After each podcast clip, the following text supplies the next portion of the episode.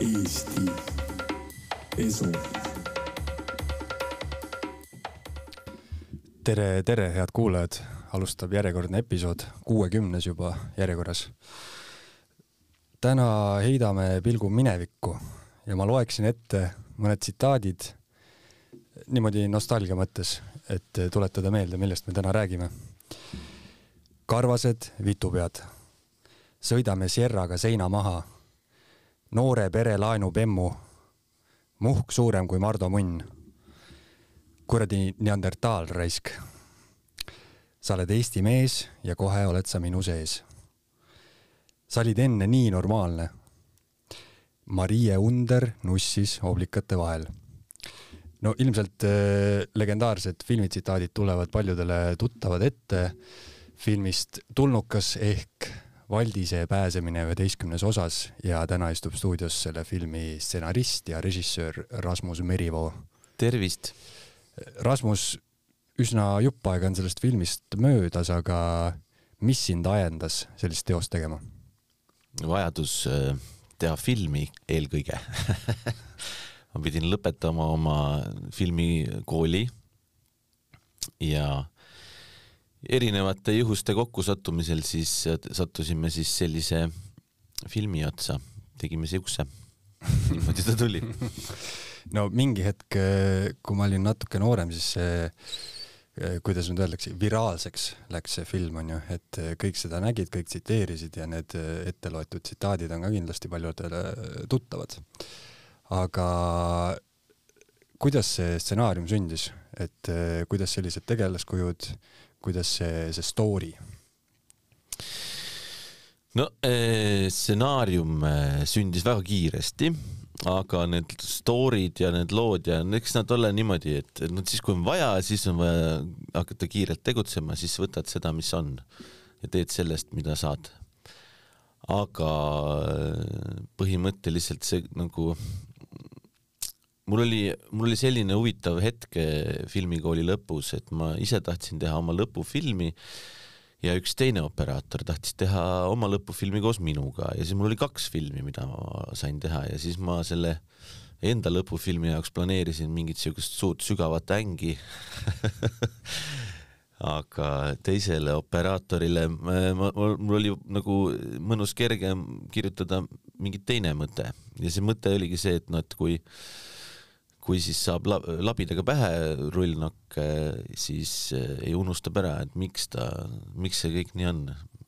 Nad kõik need igasugused sellised eh, sisse õpitud ja elatud eh, olukorrad olid tema jaoks äkki nagu värskelt ja uued ja see küsimus, et miks see kõik nii on, see oli nagu niisugune paeluv küsimus.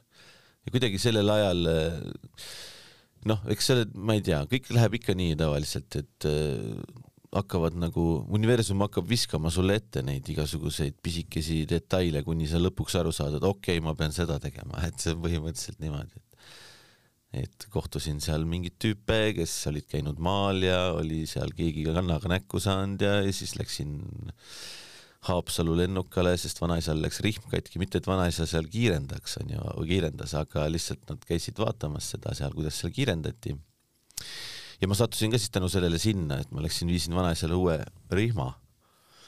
rullnokkade paradiisi. ja siis noh, eks, eks need ajastud seal parklas ole ka või selles mõttes rajal ole ka kindlasti erinevad olnud, aga sel hetkel, kui mina sinna sattusin, siis sinna auto ümber kogunes veel igast huvitavaid tegelasi,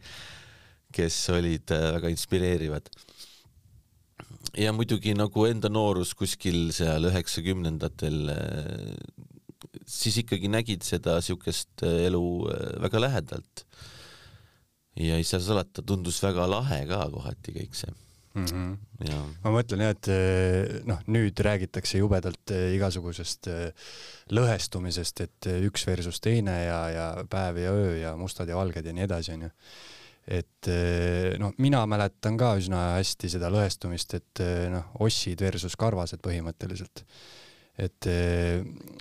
et kuidagi see niisugune huumoristseen on ju, oli eh, tollel ajal, ma ei tea, millal see Vremja täpselt jooksis,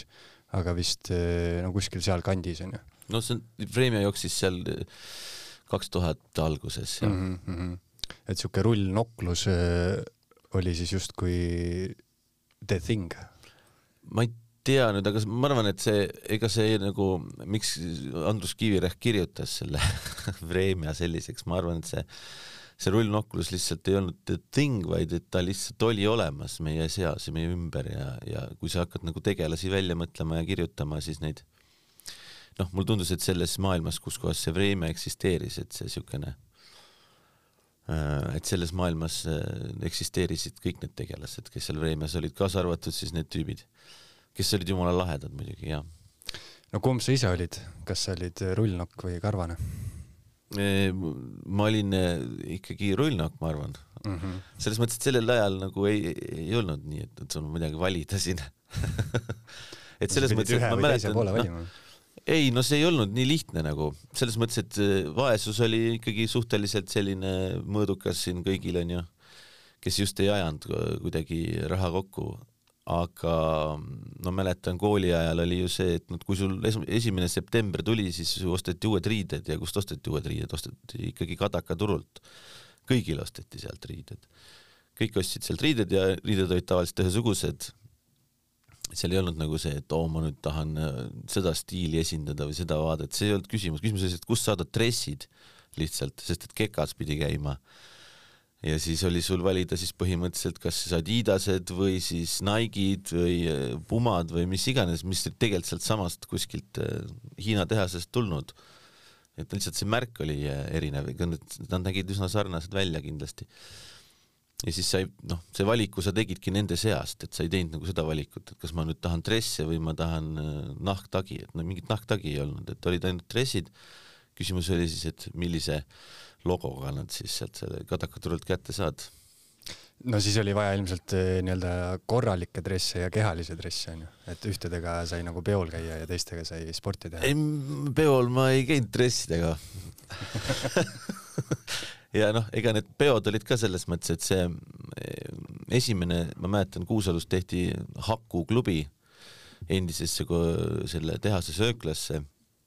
oli esimene pidu, kuhu ma ise ei sattunud, ma ei, millegipärast ei saanud sinna, ma olin alaealine, ma ei tohtinud minna sinna. aga mu eh, tuttavad läksid eh, ja sõbrad ja,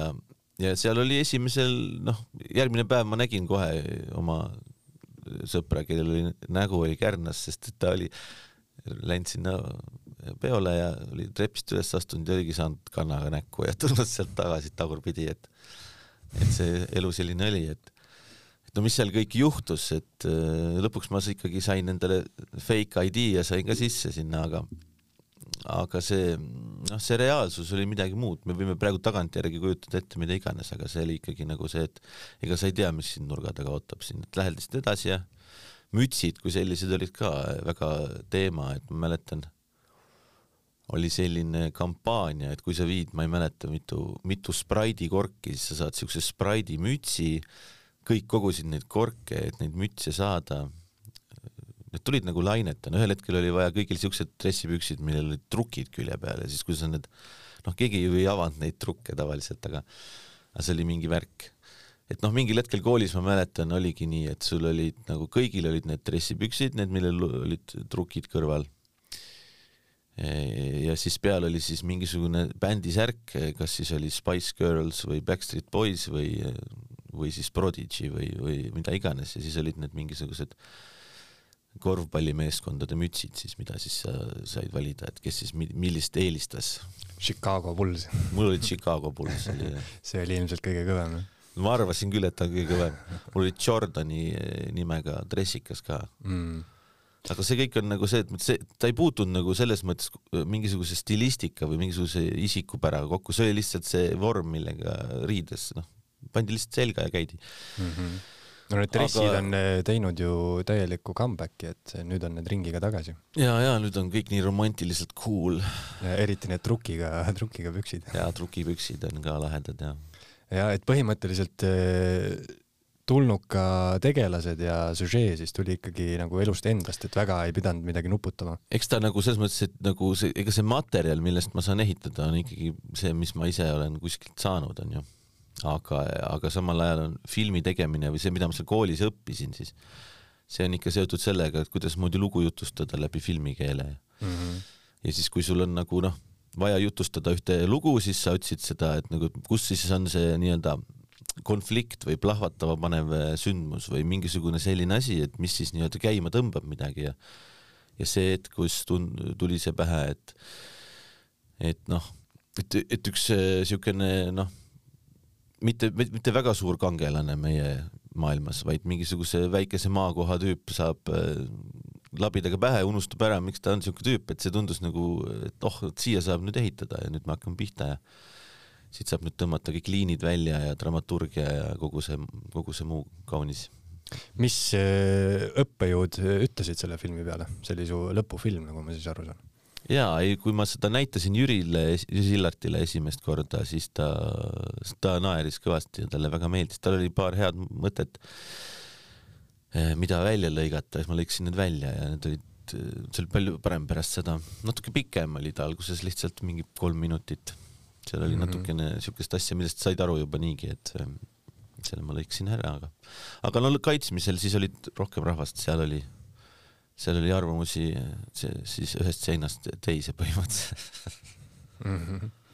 no kõik, kes seda vaadata tahavad, praegu on see Youtube'is üleval, saab, saab terve filmi ära vaadata. aga kuidas see film siis eh, nii-öelda sinu lõputööst jõudis eh, avalikku ruumi, et see sai äärmiselt populaarseks? Mm, ähm, see sai umbes niimoodi, et ma tegin selle filmi ära, siis oli maikuus kaitsmine ja siis ma näitasin seda seal ja siis ma seal kaitsesin seda. ja sain oma indekese kätte. mis hinne oli? A sain, see oli suur võitlus selle nimel, et kas saab, kas nad annavad mulle A või mitte. sain A ja, ja siis ma noh, mis sellel ajal oli siis nii-öelda väljundiks. ega seda Youtube'i ja Google videot veel ei kasutatud väga keegi väga ei teadnud, mis asi see on ja aga ma tahtsin, et äkki noh, ma tegin filmi, et teeme, teeme DVD. aga DVD-d ei tahetud teha, arvati, et lühifilm kedagi ei koti, eriti tudengifilm ja autoriõigused muusikale ja igasugused sellised noh, ühesõnaga, et unista edasi aga siis äh, kinobuss, kes, kellega, kes oli ennegi minu neid tudengifilme näidanud üle Eesti, kui ta käis, võttis selle filmi oma kavasse ja hakkas seda näitama ja siis oli, esimene asi oli see äh, Rabarokk vist, kus nad läksid. ja Mikk võttis ühendust, et kuule, inimesed küsivad, et kust seda filmi saaks. siis ma ütlesin, et noh, et meil ei ole tegelikult mingit võimalusi seda päriselt välja anda, et kui keegi küsib, lihtsalt tee koopia, anna talle lihtsalt. ja niimoodi see plaan oligi. või noh, niimoodi ta käima läks ja siis, siis kes küsis, see siis Miku käest selle plaadi sai ja kuidagi see lõpuks jõudis sinna Youtube'i või kõigepealt jõudis Google videosse, siis veel Youtube'i ei olnudki mm. -hmm. ma ei teagi, mis aastal Youtube tuli, kas kaks tuhat seitse või? no eks nad seal samal ajal umbes olid, sest et alguses oli Google video, siis tuli Youtube, siis ta läks sinna Youtube'i ka, rääkimata nendest noh, igast alternatiivsed äh, kohad olid veel nagu Toru ja mingisugused sellised, kus eestlased olid harjunud filme tõmbama mm. -hmm. aga jah, et siis kui, kui Youtube lõpuks tuli, siis ta ostis selle Google video ära ja ma ei tea, kuidas nad täpselt see asjad, asjad seal selles maailmas lahenesid rääkides sellest muusikast, siis äh, no ma just, äh, just vaatasin selle filmi läbi enne, onju. ja seal on taustaks siis äh, väga selliseid klassikalisi teoseid Beethovenilt ja Mozartilt, et äh, äh, mäletan, et kui ma seda vaatasin, siis ma nagu ammu seda vaatasin esimest korda, siis ma ei pannud üldse seda tähele kuidagi, nüüd ma vaatasin, et jõle lahe, et see lisab siukse, lisab siukse, ma ei teagi, mingisuguse eksistentsiaalse mingi asja sinna onju, et siukse dramaatilisuse. et kuidas sa sellele mõttele tulid, et siukest mussi sinna taha panna? no see oli niimoodi, et meie võtted, eh, noh, esiteks me ei, kõik asjad läksid ikkagi natuke teistmoodi, kui me lootsime või arvasime. siin ühel hetkel tuli lumi maha, ei saanud filmida, üks näitleja läks ära Londonisse pooleks aastaks äh,, igast äh,, vahepeal läks Kuusos elekter ära, siis kui me seda Eve stseeni filmisime, nii et me olime mingi kuus tundi lihtsalt äh, hängisime niisama igast asju juhtus ja igal juhul see film oli lõpuks filmitud. Äh, ja siis äh, andsin selle siis monteerijale, kes pidi siis selle ka oma lõputööks ära monteerima, aga see monteerija andis mulle tagasi selle filmi, ütles, et ma ei oska lihtsalt teha sellest mitte midagi. ja siis oli selge, et tuleb, tuleb midagi äh, välja mõelda, et see nii-öelda traditsiooniliselt kokku pannes nagu ei andnud mingit efekti Eh, aga, aga vot see vabadus, mis tekib siis, kui sa, sa nagu nii-öelda aru saad, et okei okay,, seda sellest ei saa, sellest saab midagi muud. ja siis hakkad sellele vaatama teise pilguga, et mis tal siis nii-öelda seal eh, vaja on selleks, et see lugu edasi tuleks ja et saaks aru ja et oleks jõud sellele asjale, siis kui ma sellele esimesele sellele eh, sauna plaanile, kus muda lihtsalt visatakse vastu ust mis on iseenesest niisugune noh, väike loll äh, sündmus justkui kuskil maakohas, aga kui ma selle Great Gate of Kiev sinna alla panin, siis, siis sa said äkki aru, milliste energiatega seal tegeletakse ikkagi, et see on ikkagi nagu noh, suurte maailmade kokkupõrge on seal, seal on ikkagi midagi muud ja siis see nagu inspireeris edasi tegema sedasama asja ja siis vaatasid, et kui see, see klassikaline muusika koos selle sellise nagu noh, kõrgkultuur versus siis see justkui see madalkultuur, et äh, see kontrast kuidagi nagu ta nagu lunastas need tegelased kuidagi välja sellest ja andis neile sellise suurem, suurema nagu missiooni. See on äh, jah, hea, hea võrdlus, et, et suurte maailmate põrkumine, sest see mõjub tõesti niimoodi kuidagi nagu mingisugune Star Wars algaks, onju, sauna uksest, kuhu visatakse pori aga kui, kui keeruline või kui kerge oli, oli nagu näitlejaid kaasata, et kui, kui raske on ära rääkida Merle Jäägerit, et ta näitaks enda disse sellises tudengifilmis? Ma arvan, et julge pealehakkamine on pool võitu, esiteks aga et äh, see käis niimoodi. Äh, oli äh, maleva esikas Tartus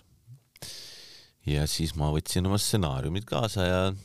seal põhimõtteliselt pool kästi on oli juba seal. sain anda Märdile, Otile ja siis Indrekule ja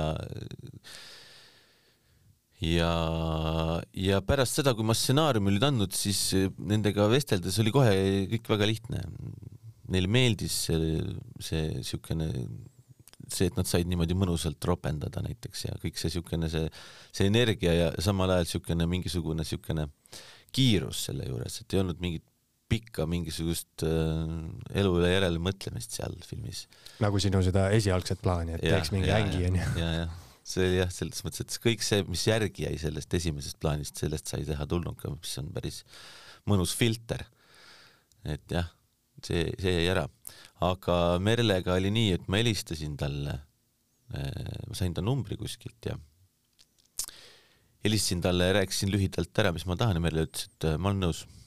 ja siis pärast ma sain teada, et tal oli mingisugune isiklik hetk, mingisugune, ma ei tea, kas tal oli, kas tal oli mingisugune boyfriend nimega Rasmus või keegi Rasmus igal juhul ta elus oli sellel hetkel,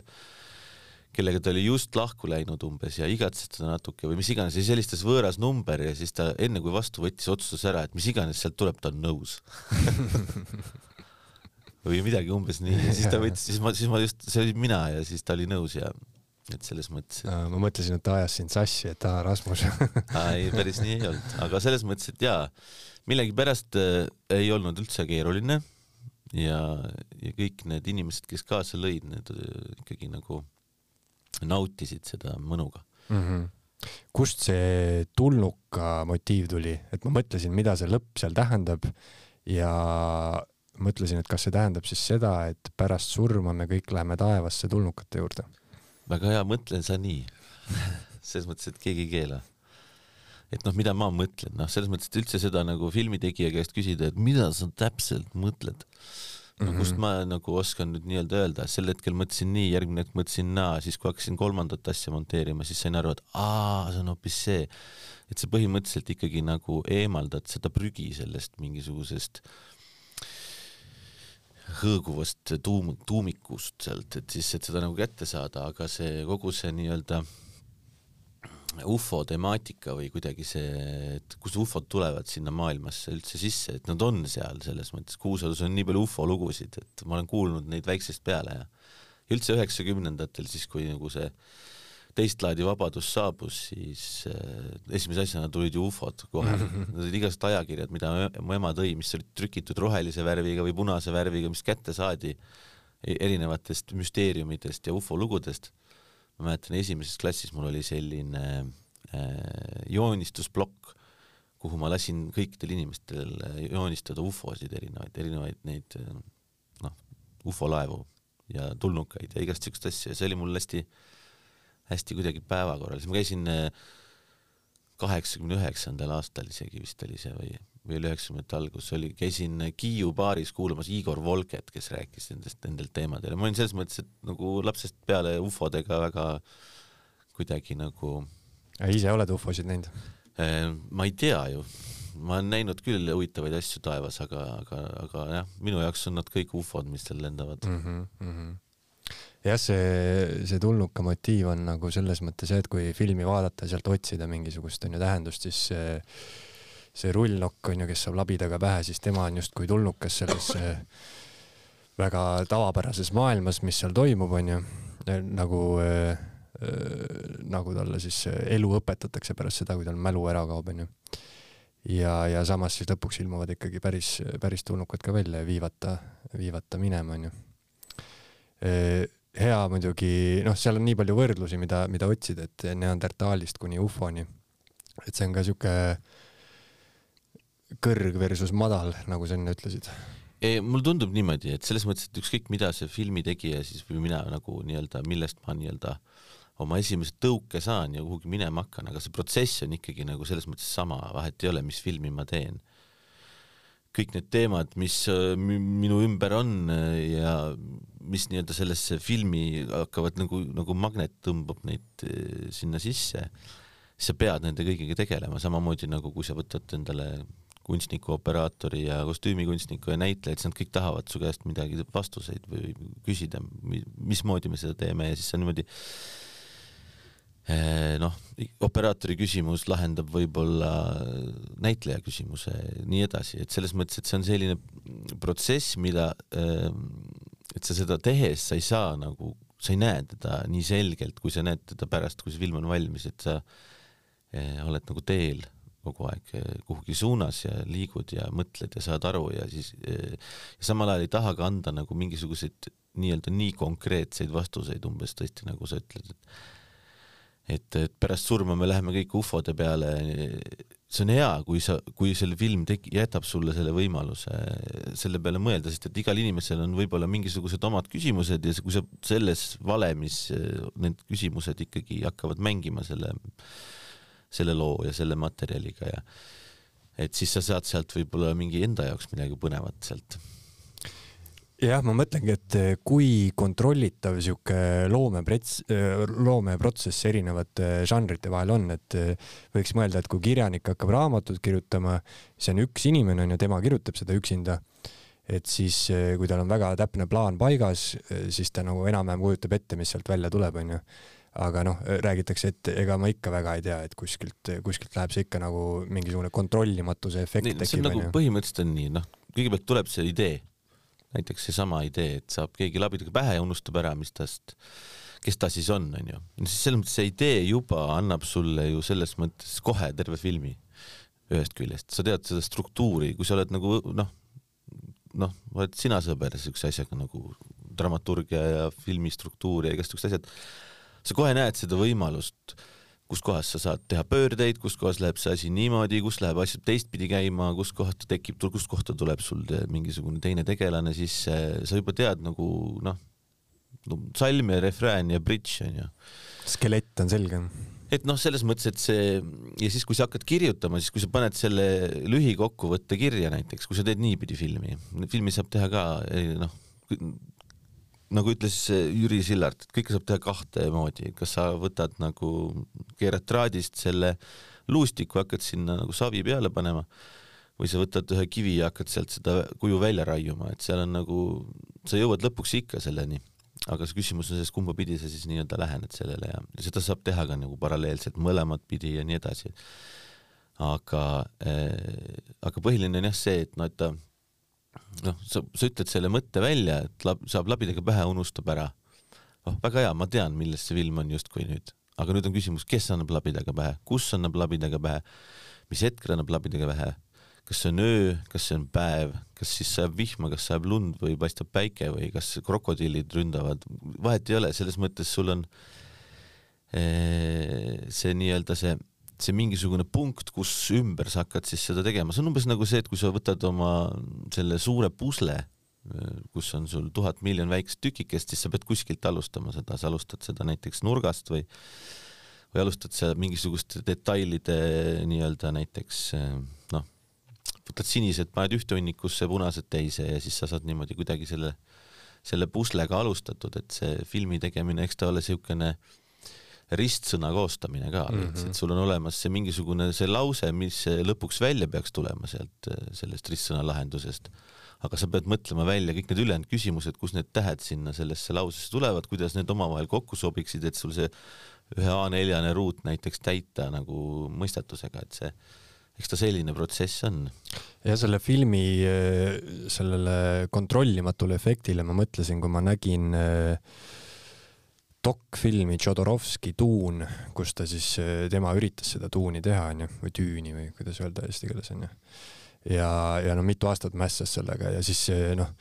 ongi, et kui sa siukest, noh, sa võid üksinda ka filmi teha ja ennast telefoniga filmida, sina oled peategelane ja nii edasi, onju, aga et eh, just see, see inimeste hulk onju, kes klassikalises filmis nagu selle protsessis osalevad, seal on näitlejad, onju, kaamerainimesed, kes iganes, et see nagu hulk, see mulle tundub, et mida suurem hulk, seda raskem on kontrollida, mis lõpuks välja tuleb, sest igaüks on ju, paneb midagi sisse. Kas see oli äkki David Lynch, kes ütles niimoodi, võib-olla ütles keegi teine, vahet ei ole, mõte on hea, et eh, noh, filmi režissöör on justkui nagu eh, see kunstnik, kes üritab maalida eh, seda pilti, mida ta teeb niisuguse hästi pika pintsliga,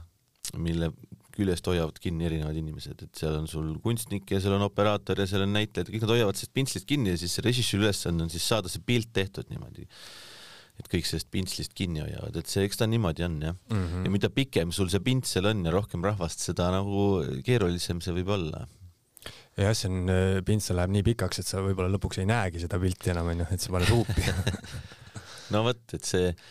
ega see, see nii-öelda need, need, need pildid, mis, mis peas jooksevad sel hetkel, kui midagi kirjutad, need ju, nad jäävad mingil hetkeks natuke lukku, siis hakkad joonistama kadreeringut näiteks.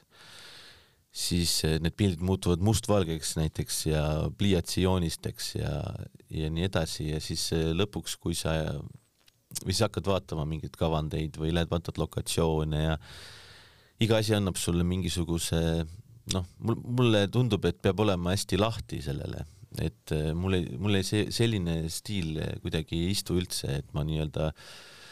olen nüüd kodus nii kaua, kuni ma olen kadreeringu välja mõelnud ja joonistanud ta välja ja siis ma pärast tahan saada täpselt sedasama pilti, mis ma olen ette kujutanud. selleks on vaja suuremaid eelarveid, et luua seda maailma nii, et ma kujutan ette ja siis see maailm ongi selline, nagu ma ette kujutan. tavaliselt see on ikkagi nii, et ma võin ette kujutada mida iganes, aga platsil on kohe näha.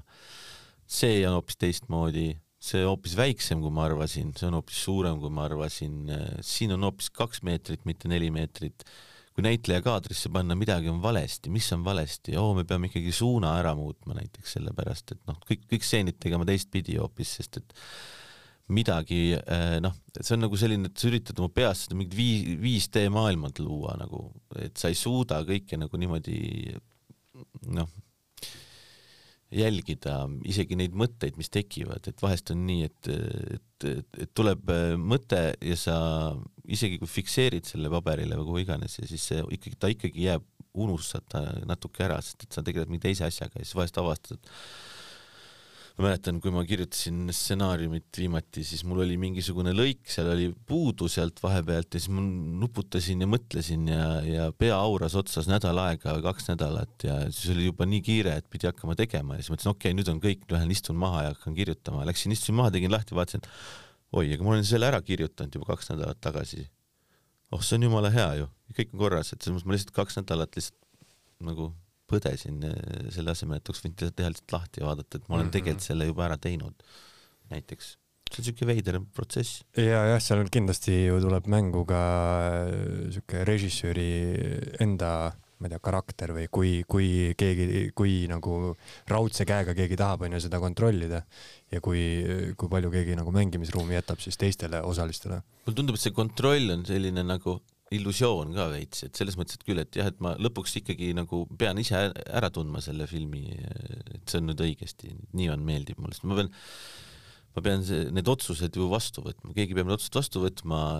mulle tundub kõige parem mõte, et režissöör võtab neid otsuseid vastu, mitte produtsent või rahastaja või eh, mis, kes iganes. näiteks eh, mm, kes siis, keda, kes meil veel oli, need eh, noh, need, kes lõikavad ära asju ja ütlevad nii ei tohi. mul ei tule see nimi meelde nüüd selle tegelase. no aga jah, et montöörid. ei, ei, pigem ikkagi need, kes keelavad asju, komiteed. komiteed näiteks jah. kui äh, rahast rääkida, siis äh, mis tulnuka eelarve oli? Ehm, meil oli Eesti riigilt saadud viiskümmend tuhat krooni. Ja noh, sellest, see raha läks kõik ainult valguse tehnika peale. aga et selleks, et filmida ka saaks nagu midagi selle tehnikaga, siis eh, ma küsisin eh, vallast toetust, seal oli niisugune võimalus, et sa küsid nagu oma lõputööks mingit toetust ja siis eh, sealt me saime natukene raha, siis ma müüsin ära oma kitarri, mille eest ma sain päris palju raha. ja, ja nagunii me proovisime teha nii odavalt kui võimalik, et me seal need, filmisime ikkagi nendes kohtades, mis oli kättesaadav, enda, paps oli korteri ära renoveerinud, et selle maha müüa, aga siis me läksime siis ja kleepsime selle vene tapeediga üle uuesti ja tegime sellest siis erinevad setid, et seal Valdis ärkas ja Eve ko- korteri tegime seal ja ja, ja siis äh, käisin siis seal Kuusalu vahel siis neid kohti otsimas ja sain kõigiga kokkulepped ja ema, ema tegi peamiselt süüa kogu sellele võttegrupile ja ma mõtlesingi, et kas putkast sai neid purkse. sellest, sellest putkast tegelikult ei ole kunagi purkse müüdud. see oli hoopis äh, mingi muu äh, putka, vahepeal oli lihaputka, vahepeal oli mingisuguste kommide putka, ma ei tea. aga, aga kui me selle filmi ära tegime ja siis me tõime need burgerid sellest teisest putkast, kustkohast me burgereid saime, siis ma olen kuulnud siin, vanad inimesed mäletavad, kuidas ikkagi seal purksi on müüdud kunagi, siis ma et no ei ole müüdud seal purksi et see on niisugune naljakas asi, et jah, et filmiga on võimalik ikkagi ajalugu ümber kirjutada, nii et Reaalsust täiesti inimeste- muuta, inimeste enda mälestusi ringi teha mm. mm. -hmm. et inimesed mäletavad nüüd, et seal müüdi purksi, aga seal ei ole purksi müüdud. jah. No kuidas, kui sa üritad nüüd kuidagi mõelda sellele perioodile, siis kuidas pärast eh, selle filmi tegemist sinu elu muutus? no kõigepealt ei muutunud midagi peaaegu, selles mõttes, et ma sain nagu lihtsalt äh, selle filmi tegemise juures muutus see, et nagu äh, et see mingisugune, see hetk, kus kohas, kus kohas äh, paljudele inimestele tundus, et, et see, mis ma tegin enne tulnukat, mis värvi on armastus, et nüüd see oli nagu hea film ja nüüd seda, seda nagu ületada ei saa ja siis see, see, see, sellest filmist nüüd ei tule mitte midagi. tundub, et see läks täiesti aia taha mis oli noh, väga siukene värskendav, et noh, et selles mõttes, et ikkagi vahet ei ole, kui sa filmikoolis hakkad käima ja omaenda mingeid nii-öelda esimesi samme tegema mingis suunas nimega karjäär või mis iganes onju, siis sa ikkagi kujutad ette seda, kuidas noh, läheb hästi kõik kogu aeg. teed nii ja siis läheb aina paremaks ja paremaks ja paremaks. siis tundus see, see oli siukene hea värske hetk, et enne kui ma selle filmi valmis sain, ma pidin nagu selles mõttes ära lõhkuma selle illusiooni, mulle tundus mm, -hmm. et nüüd ei tule sellest filmist ei tule, aga sellest tuleb midagi muud. Ja üldsegi nagu see mingisugune äh, see nii-öelda ettekujutus või selline nagu äh, omaenda mingi karjääri ettekujutamine või mingisugune selline ma võiksin olla selline ja noh, niisugune see vä välispidine iseenese vaatamine, see lõhkus ära see, et pidid hakkama hoopis sissepoole vaatama ja see, seda, et seda filmi valmis saada ja, ja tegid neid asju nii nagu noh, üldse kogu juba see kirjutamise juures ju ma sain aru, et noh, et see on ikkagi teistmoodi film, et see ei ole nagu see klassikaline hea maitse piirides äh, nii-öelda saavutus teha filmi, vaid ta on midagi muud, ta on mingisugune veider selline, selline kannaga näkku natukene mm -hmm. kohati no seda vaadates oli, oli sama tunne vähemalt minul või ma eeldan, et päris paljudel vaatajatel, et et kannaga näkku justkui sihuke mingisugune, ma ei tea, sotsiaalne eksperiment peaaegu või. no vot, mul endal nagu sai kõrini nagu selles mõttes, et sa noh, õpid ja teed ja oled ja selles mõttes ja vaatad ja, ja siis tahad olla kogu aeg nagu ju hea inimene ja pai laps ja no siis ühel hetkel saab sellest nagu siiber, no mis mõttes, et see on tegelikult minu, minu maailm ka ma ei pea tegema nii filme, ma võin teha teistmoodi ka, ma võin teha niimoodi ka. Ja miks peab Eesti film olema nii püha, miks ta peab olema selline noh, oo suur kunst onju, kus on see meelelahutus selle juures, kus on see teravus või kus on mingi otsekohesus või miks võiks inimesed rääkida nii, nagu päriselt räägivad? mis, mis noh, kogu see ropendamine võib tunduda nagu selles mõttes selline utreeritud ja, ja veider, aga, aga, aga mingil hetkel ma olingi siukse maailma sees täiesti nagu see oli normaalne, selles mõttes, et see see, see keelekasutus, tal ei olnud seda väge, mida nagu teatris selle pannakse või midagi, noh, et see sõna, mis sa nüüd ütled, et seal taga ei olnud seda mõtet, seal oli lihtsalt, keegi ütles tere hommikust lihtsalt ja siis kasutas mm -hmm. seda teistmoodi keelt ja et selles mõttes, et see oli nagu selline, esiteks oli see, et ma sain nagu endast lahti nagu mingisugust mm -hmm. oma mingisugustest jamadest, äh, mingitest piiridest või midagi, mingit, mis asjadest, mis hoidsid mind mingisuguse sellise noh, väikekodanlikul teel või midagi siukest. ja siis pärast seda, kui see film välja tuli, siis see esimene laks oli ikkagi selline julgusproov või noh, siukene, et ma pidin ikkagi seisma seal, seal ees ja näitama seda, seda kuradi veidrust seal noh, sel hetkel sa tajusid seda kogu aeg, seda, et see on mingi, et nad, kas nad, see inimene, kes seda vaatab, saab pihta, saab ka kaasa elada sellele või on siin mingisugune väga suur sein, kust nad ei, noh, me ei pääse, noh, kommunikatsioon puudub põhimõtteliselt. ja siis, eh, kui ühel hetkel juhtus jah, et keegi selle üles pani ja siis eh, aastavahetusel oli see täpselt eh, niimoodi kuidagi jopas et see asi niimoodi pauguga hakkas lendama, siis, siis oli küll teistmoodi elu jah, pärast seda ikkagi selline palavik, niisugune, et sa iga päev ärkad ülesse ja teed selle arvuti lahti ja vaatad, et on jälle nagu numbrid on suurenenud, jälle on sul mailbox'is mingid kirjad, sind kutsutakse kuhugi ja kogu see möll, et mm -hmm. päris huvitav oli. kust see sihuke see mentaliteet, millest sa räägid, et Eesti film on eh, tohutu kõrgkunst ja, ja hästi sihuke tõsine ja ängine ja noh, paljud eestlased ju ka kurdavad selle üle, ma ei tea, kas enam nii väga, aga kunagi oli sihuke tüüpprobleem, et jälle tehti mingi Eesti film ja sihuke tüüpiline hall Lasnamägi onju. ei, seal oli sihuke lause oli, et Eesti film on nagu oma sitt, rõve küll, aga ikka vaatad aga kust see mentaliteet tuleb, kas see tuleb siis mingisugustest eh, filmitegijate enda maailmast? Eh, nagu kasvab välja? ma arvan, et see asi ei olegi üldse nagu kedagi süüdistada ka ei maksa, et selles mõttes, et see on nagu pigem see, et et noh, kust me tuleme ja kus me parasjagu oleme ja selles mõttes, et meie nii-öelda see maailma trendid ja, ja nii-öelda see laine, et kas me noh, ühel hetkel see, mis on cool, muutub ühel hetkel kõige uncool imaks asjaks üldse ja, ja siis, kui sa piisavalt kõva mees oled, siis ootad ära, kui ta uuesti cool'iks läheb ja siis sa oled see, see tüüp, kes pidas vastu ja, ja hoidis seda, aga noh. et see on nagu ikkagi teatav sihuke paratamatus meie, meie filmi nii-öelda esteetika. ei, ma ei tea, kas seda nüüd enam saab öelda nii, et aga, aga, aga lihtsalt, et see noh, Nõukogude Liit oli hoopis teistsugune koht kui, kui mingisugune see kapitalistlik Eesti Vabariik. et see e,, sa said Nõukogude Liidus jutustada teistsuguseid lugusid kui kapitalistlikus maailmas, ma vaatasin see, just seesama see Ridley Scott, kes tegi ka nüüd ühe tulnuka filmi, tema rääkis sellest, et ta seitsmekümnendatel tundis nagu siukest noh, et ta vaatas nagu kadedusega Nõukogude filmitegijate poole, sest nad said rääkida asjadest, millest lääne inimesed ei saanud. ehk siis nad said, sest, sest lääne inimestel oli vaja filmiga teenida raha, et seda teha. Neil ei olnud seda, et nad noh, Nõukogude Liidus olid teised reeglid, sa ei tohtinud äh, seda süsteemi kritiseerida, aga sa said rääkida näiteks inimlikest asjadest väga nagu noh, sügavalt ja ja, ja ma arvan, et need inimesed, kes siis meil Eestis filmi on hakanud tegema siin läbi aegade, siis neil on kõigil mingisugune ikkagi ju selles mõttes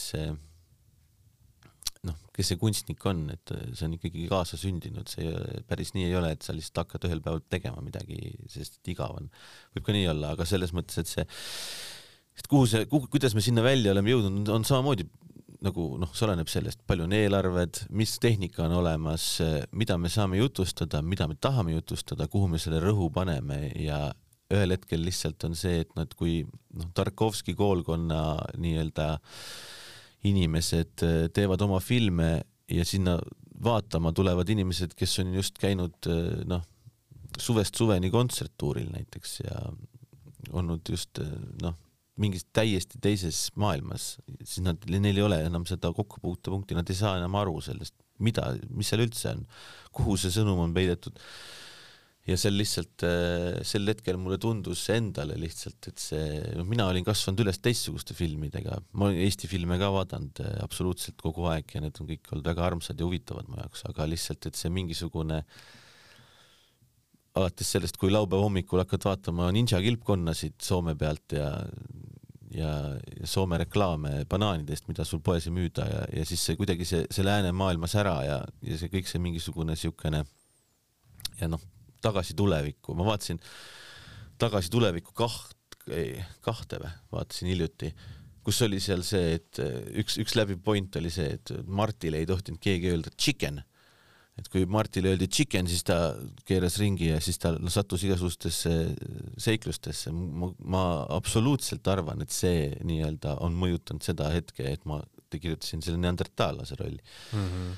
ja üldse noh, vaadates tagantjärele seda filmi, seal on väga palju siukseid asju, mis on see, et issand, ma ei pannud ise tähelegi, et sellel on äh,, siin on noh, mingisugune selline väga konkreetne side selle filmiga või selle teise filmiga või sest et see on ju puhas mäng, see võtad neid juppe, mis on ja osad jupid ühest filmist, osad jupid teisest ja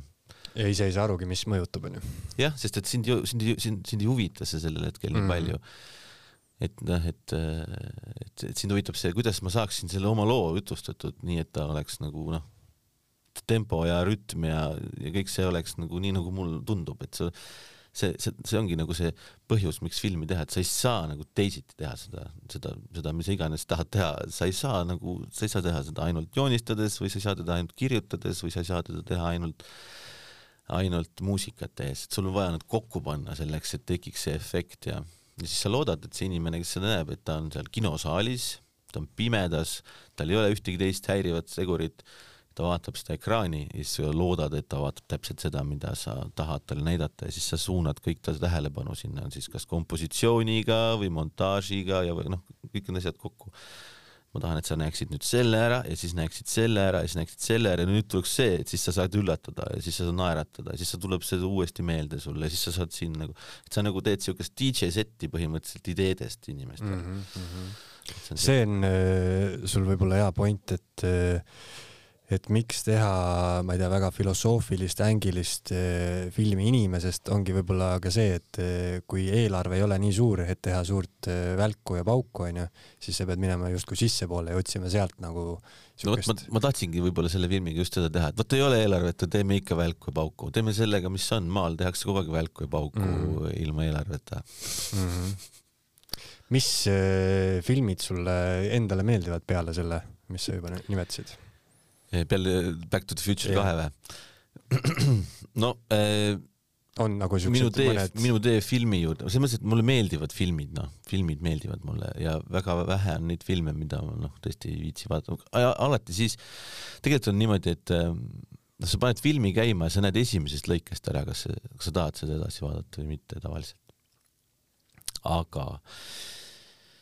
mis siis mulle konkreetselt meeldivad, noh, ma ei tea, ma alustasin niimoodi, et ma äh, kõigepealt mulle lihtsalt meeldisid filmid, ma ei, ei osanud noh, kuidagi nii-öelda äh, ette kujutada ennast filmi juures, aga mulle lihtsalt nad meeldisid, ma vaatasin neid nii palju kui võimalik. ja kuidas siis vanasti filme nähti, noh, meil ei olnud videomakki, siis oli, kelle, igalühel oli sõber, kellel oli videomakk, siis käidi tema juures vaatamas, siis minul oli oli isegi kaks sõpra või kolm, kellel oli kodus videomakk ja siis käid ühe juures, vaatad ära mingid filmid, mis ta siis paps on kuskilt eh, toonud turu pealt, kus oli see see Columbia Pictures представляет, seal oli seal noh, see taust oli ka, siis vaatad väikselt ekraanilt Ee, siis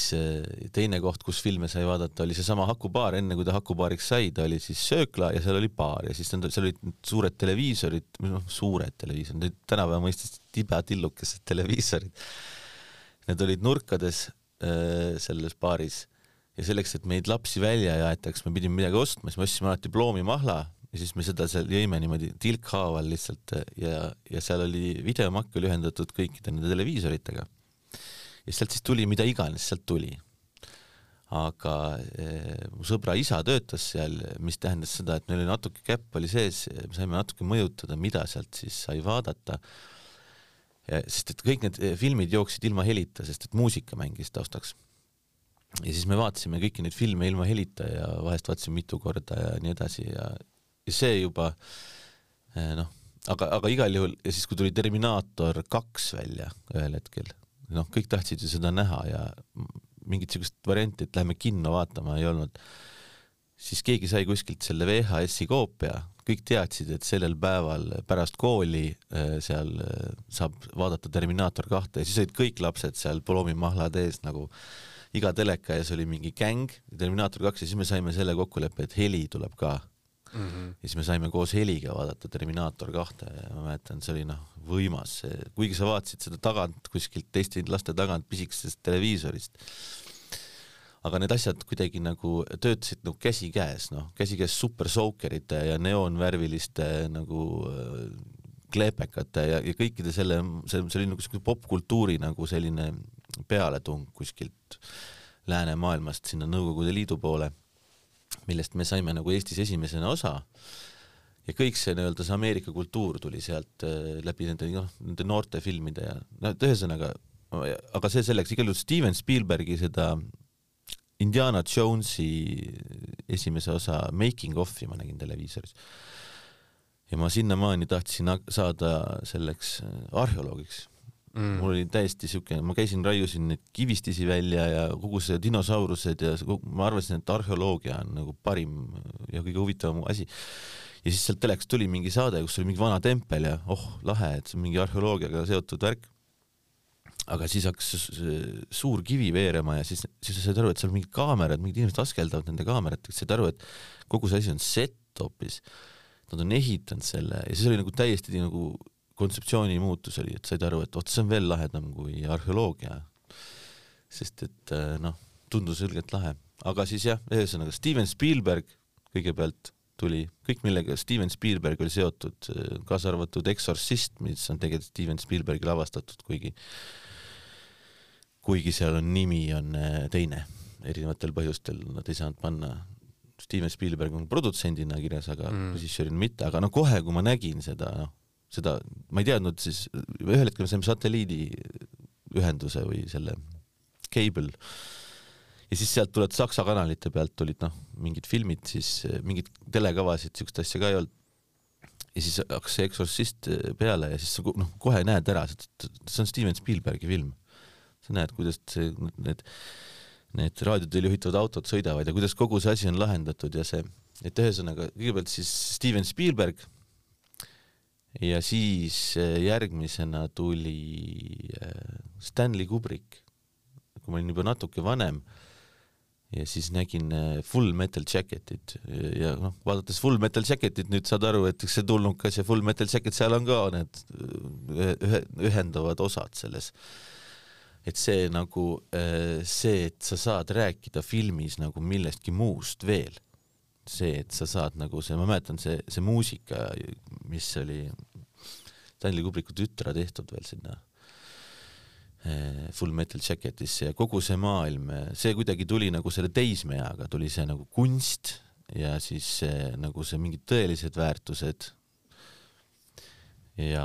muusika osas ka muutus see maitse, enne kuulasin noh, tümakat mulle meeldis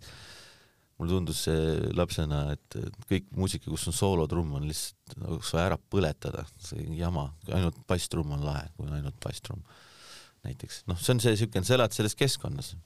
oleks ma elanud kümme aastat varem, oleks ma teistsugune kuulaks võib-olla Jää äärt hoopis või midagi mm. mm. -hmm. aga noh, mina sattusin siuksesse ja siis Stanley Kubrick onju. ja siis, kui ühel hetkel tuli Tarantino, ETV-st näidati Pulp Fictionit. ja, ja siis noh, kui Spielberg oli nagu see, et oh, film on nii lahe, sul on nii palju detaile, mida sa saad luua, sa saad teha, sa saad mängida sellega, sa saad panna kaks asja kokku, nii et sa nagu noh, see kogu see niisugune elevus, mida see Spielberg kaasa kannab nagu endaga siukest, siukest nagu nii-öelda lihtsalt arusaadavat loo jutustamist, aga vigurdades ja nagu tehes nagu seda nagu siukse suure äh, fun'iga või nagu siuke ja siis Kubrikult oli see vastupidi see, et sa saad nagu ka nagu, see on nagu tegelikult on see nagu supervõime, kui sa saad filmi teha, sa saad nagu luua neid maailmu ja asju ja kõike seda tilulilu selleks, et nagu mingeid suuri asju liigutada, mingisuguseid asju. Siis oli nagu eh, Tarantinoga oli nagu see, et nagu, et samal ajal nagu see on see vabadus, see mingisugune, et sa ei pea olema professionaalne filmitegija, vaid sa võid lihtsalt teha nii, nagu sulle tundub, et on õige, mitte nii, et eh, noh, ühesõnaga Tarantino tegi mingi teise laeka lahti ka. aga, aga noh, sellega seoses veel siis nagu kõik, mis sinna nii-öelda ümber selle jääb, et seal on noh, neid nii-öelda režissööre, kes teevad filme, mida lihtsalt võid lõputult vaadata, neid on päris palju kas sul äh, filmi tegijana, minul tekib vahepeal siuke efekt, et kui äh, film on äh, kehv või kuidagi ei istu mulle, siis ma paratamatult hakkan, vaatan onju ekraani ja siis ma hakkan paratamatult nägema seal ekraani ümber, noh, nii-öelda nägema hakkan seda võttegruppi nägema onju. ja siis ma kujutan ette, see tuleb vist sellest, kui äh, kuidagi näitleja ei müü maha enda tegelaskuju, siis ma vaatan, et kõik ta nagu hästi näitleb ja siis ma hakkan kõike seda seal ette mulle kujutama. tundub, ma olen nagu sellest aru saanud, et ei ole nagu halba näitlemist, on halb stsenaarium pigem mm.. et selles mõttes, et noh, mida see see näitleja siis peab tegema, kui sul on nagu kirjutatud ette selline tekst ja kui režissöör ei ole piisavalt nupukas, et aru saada sellest, et faks ei tööta ja piisavalt julge või kas ei ole piisavalt võimu näiteks, et seda muuta või või ei ole aega või mis iganes, onju, või on lastud lihtsalt üle käe või või lihtsalt ei saa või on lihtsalt maitse erinev, onju ka. aga jah, see, see nii-öelda see vankrilt maha kukkumine, nii-öelda see, milles, mida sa kirjeldasid, see on see, et sa mis see ülesanne on, see ülesanne on see, tuled vaat kustu, siis sa kogu aeg nagu juhid tähelepanu, näed, näed, vaata nüüd seda, vaata nüüd seda, sest et sul on vaja, et ta seda näeks, see vaataja, sest et muidu ta ei saa aru sellest naljast, mis tuleb võib-olla pool tundi hiljem, onju. -hmm. või et sa ei usu, et kuidas see võimalik on, et see, et see asi niimoodi juhtus, sa plant'id ja teed tuleviku elemente ja sa nii-öelda noh, sa põhimõtteliselt komponeerid ju selle, eeldatavasti selle filmi kokku. aga jah, et need, et need sellised hetked, kus kohas äh, sa kärult maha kukud, no ja siis tagasi hakkangi saada. mingisugust muud äh, asja mm. -hmm. vaata ette kujutama onju. et ma tahtsingi küsida, et kas filmi tegijana on sul võimalik vaadata filmi niimoodi täiesti sisse minnes, et sa unustad ära, kuidas seda filmi tehti? Eh, tead ikkagi, ikkagi on selles mõttes, et kuigi ma pean ütlema, et selles mõttes, et ega see, noh, kui sa oled filmi tegija, siis sa noh, see oleneb ka, mida sa täpselt parasjagu teed, et noh, et selles mõttes, kui sa oled filmitegija ja vaatad Potsata ja multikat, siis noh, mina vaatan ainult seda, kus, kuidas on naelad löödud jalgadesse neile. kus kohas on naela näha, kas ei ole naela näha näiteks onju. noh, või kui ma kirjutan stsenaariumi, siis ma vaatan stsenaariumi, vaatan filmi stsenaariumi, kui ma olen jõudnud parasjagu ise sinna kohta, kus ma joonistan kadreeringut või teen seda blocking ut või noh, kuidas ka, siis ma vaatan filmi ainult seda kui ma tegelen eh, mingisuguste nii-öelda muude asjadega, siis ma vaatan, noh, midagi ei saa teha, noh, lihtsalt vaatad ja, ja samal ajal vaatad ka kõike korraga. nii nagu muusikat, et kui, kui ma muusikat kuulen, siis ma kuulen eraldi ju trummitrack'i ja eraldi kidratrack'i ja eraldi bassitrack'i ja eraldi mis iganes track'e. Ja sõnu kõige vähem muusikas.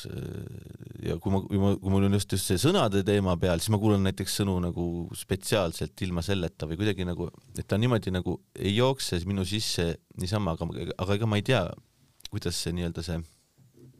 tavavaataja, et kas igalühel on ju mingisugused asjad, mida nad jälgivad, et no need- ma mõtlengi, et kas mustkunstnikul, kui ta läheb mustkunsti show'le, siis kas temal üldse tekib vau-efekt onju, et ta isegi kui ta noh, ei tea, kuidas trikk käib, siis ta keskendub sellele, et ta nuputab aga selle. filmitegijana ikkagi sa ikkagi nagu oskad hinnata seda, kui keegi on nagu noh, kellegi, keegi on õigesti teha- saanud selle asja mm., keegi on nagu ära vormistanud selle niimoodi, oh, no nii hea meel hakkab kohe, see on nagu siukene, et noh, tahaks kätt suruda või tahaks öelda, et no raisk nii mõnus, sest et see, see annab sulle nii palju jõudu kuidagi või mingisugust rõõmu see, et kui sa näed, et oh, ta üllatas mind praegu siin või et oh, see läheb hoopis teises suunas, kui ma nagu kartsin või et äh, mis iganes, et. Äh. kuidas sa seda nii-öelda sinu üllatusmomenti ja ma ei tea, ütleme siis mainstream'i üllatusmomenti, et kui miski on hästi tehtud, kas siis kõik inimesed saavad sellest aru, mina, kes ma ei ole filmitegija? Ei tea ju, ega ei usu ja selles mõttes ei saa vist ollagi nii. et noh, see on seesama asi, sa võid mida iganes rääkida inimesega, aga kui ta on just ostnud endale uued kingad, siis ta vahib su kingi, et millised sul on lihtsalt selles mõttes, et sa, sa ei saa nagu kontrollida seda, kustkohast see inimene sinna saali saabub või, või, või ekraani ette või et et kas ta vaatab seda filmi äh, päriselt või ta tegelikult räägib juttu kellegagi või ta sööb võileiba või ta saadab sõnumeid või, või ta muretseb millegi pärast või on tal endal midagi pooleli ja, ja siis on teine küsimus, et mis selle filmi ülesanne üldse on, et kas see on siis no et meie tahaks ju autoritena täiega nagu seda loota, et inimene tuleb just seda vaatama, seda, mis mina tahan talle anda ja nii edasi tegelikult võib-olla filmi funktsioon on hoopis midagi muud, võib-olla see on lihtsalt nagu, et lasta tal ära unustada see jama, mis tal parasjagu toimub näiteks normaalses elus ja nii edasi. et selles mõttes, ma ei tea, hea film või põnev film või siuksed asjad on nagu hästi-hästi suhtelised, onju no ja hea film kui selline või üldse mingi, mis asi on hea, on nagu täiesti suhteline, et vahest on hea film on, on väga halb film just sellepärast, et ta nagu vabastab sind sellest suurest pingest, et sa pead hästi tegema midagi või noh, et selles mõttes, et mulle väga meeldib igasugune alternatiivne selline värk. igast trash asjad, mul noh, see on kuidagi nagu, mäletan, teesklesin äh, kõhuvalu, et koju jääda, sest Filmnetist tuli Drooma äh, klassikud äh, mingil ajal, kui ma koolis pidin käima veel.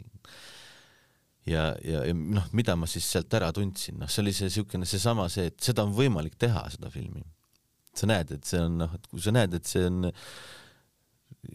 see on sellest silikoonist nägu, kuhu kirves lüüakse, mitte ei ole see päris inimese nägu, siis see ongi lahe just sellepärast, et sa saad aru, et see on võimalik, noh, et ma saan sellest loost pihta, aga seal on see silikoonist või, või nuku sinna filmi üldse panna või noh, et see, see odavus, mis välja paistab ka, on inspireeriv mm -hmm. näiteks ja ja vahest on inspireeriv ka see selline nagu noh, põhiliselt on ikkagi see, see, nagu see mingisugune seal, kes iganes see nii-öelda see autor on siis või, või tegija või et see, see otsuse, see otsus nagu erutab või noh, et see, et sa näed, et siin on otsus, siin on otsus, siin on otsus, siin on otsus. see, et see, et keegi on võtnud ja teinud niisuguse otsuse, see on nagu inspireeriv mm. -hmm. aga jah, et mis, mis kellelegi meeldib, no jumal seda teab siin äh, mul on mitmed kirjanikud käinud saates, siis ma olen nende käest alati küsinud, et äh, kumb on tähtsam, kas see, mida sa kirjutad või see, kuidas sa kirjutad, et äh, mis filmi juures kõige olulisem komponent on, kas see on stsenaarium? noh, selles mõttes, et kui sa oled stsenarist, siis on stsenaarium kõige olulisem. kui sa oled operaator, siis on operaatori töö kõige olulisem ja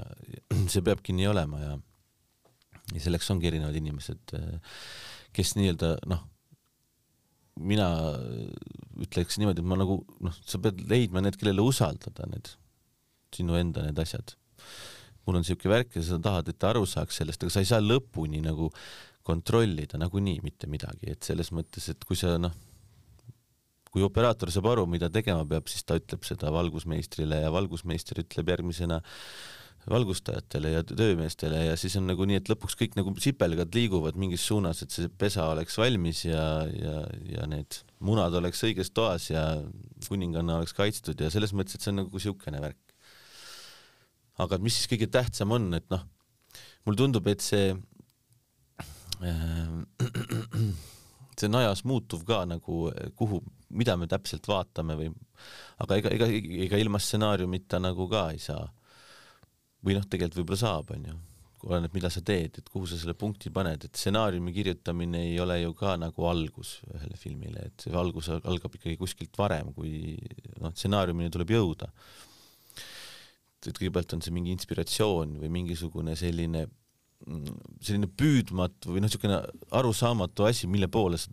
liigud, sa pead mm -hmm. selle kätte saama, sul on vaja midagi, mingisugune kuradi asi sügeleb, sa pead seda kuskilt kratsima, sa ei tea, kustkohast sa seda saad kratsida, sul on vaja seda konflikti on vaja. sul on vaja seda midagi nagu, aga noh, dramaturgia mõttes küll on vaja sul konflikti ja, ja, ja üldse noh, et selles mõttes, et see maailm on ju noh, väga nagu selles mõttes kahemõõtmeline ikkagi filmis ka, et see noh, kõik on kontrast põhimõtteliselt, et see, et sa midagi üldse näeksid, tähendab seda, et taust peab olema teist värvi mm. -hmm loos on samamoodi, selleks, et see üks tegelane mõjuks hästi, eh, noh, sa pead ta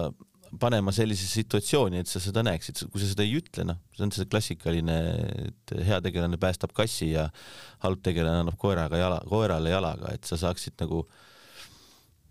pihta sellest, et ahah, ahah, ahah, sa pead nagu sissejuhatuses nagu andma mingisugused reeglid, mille sees see nii-öelda pihta hakkab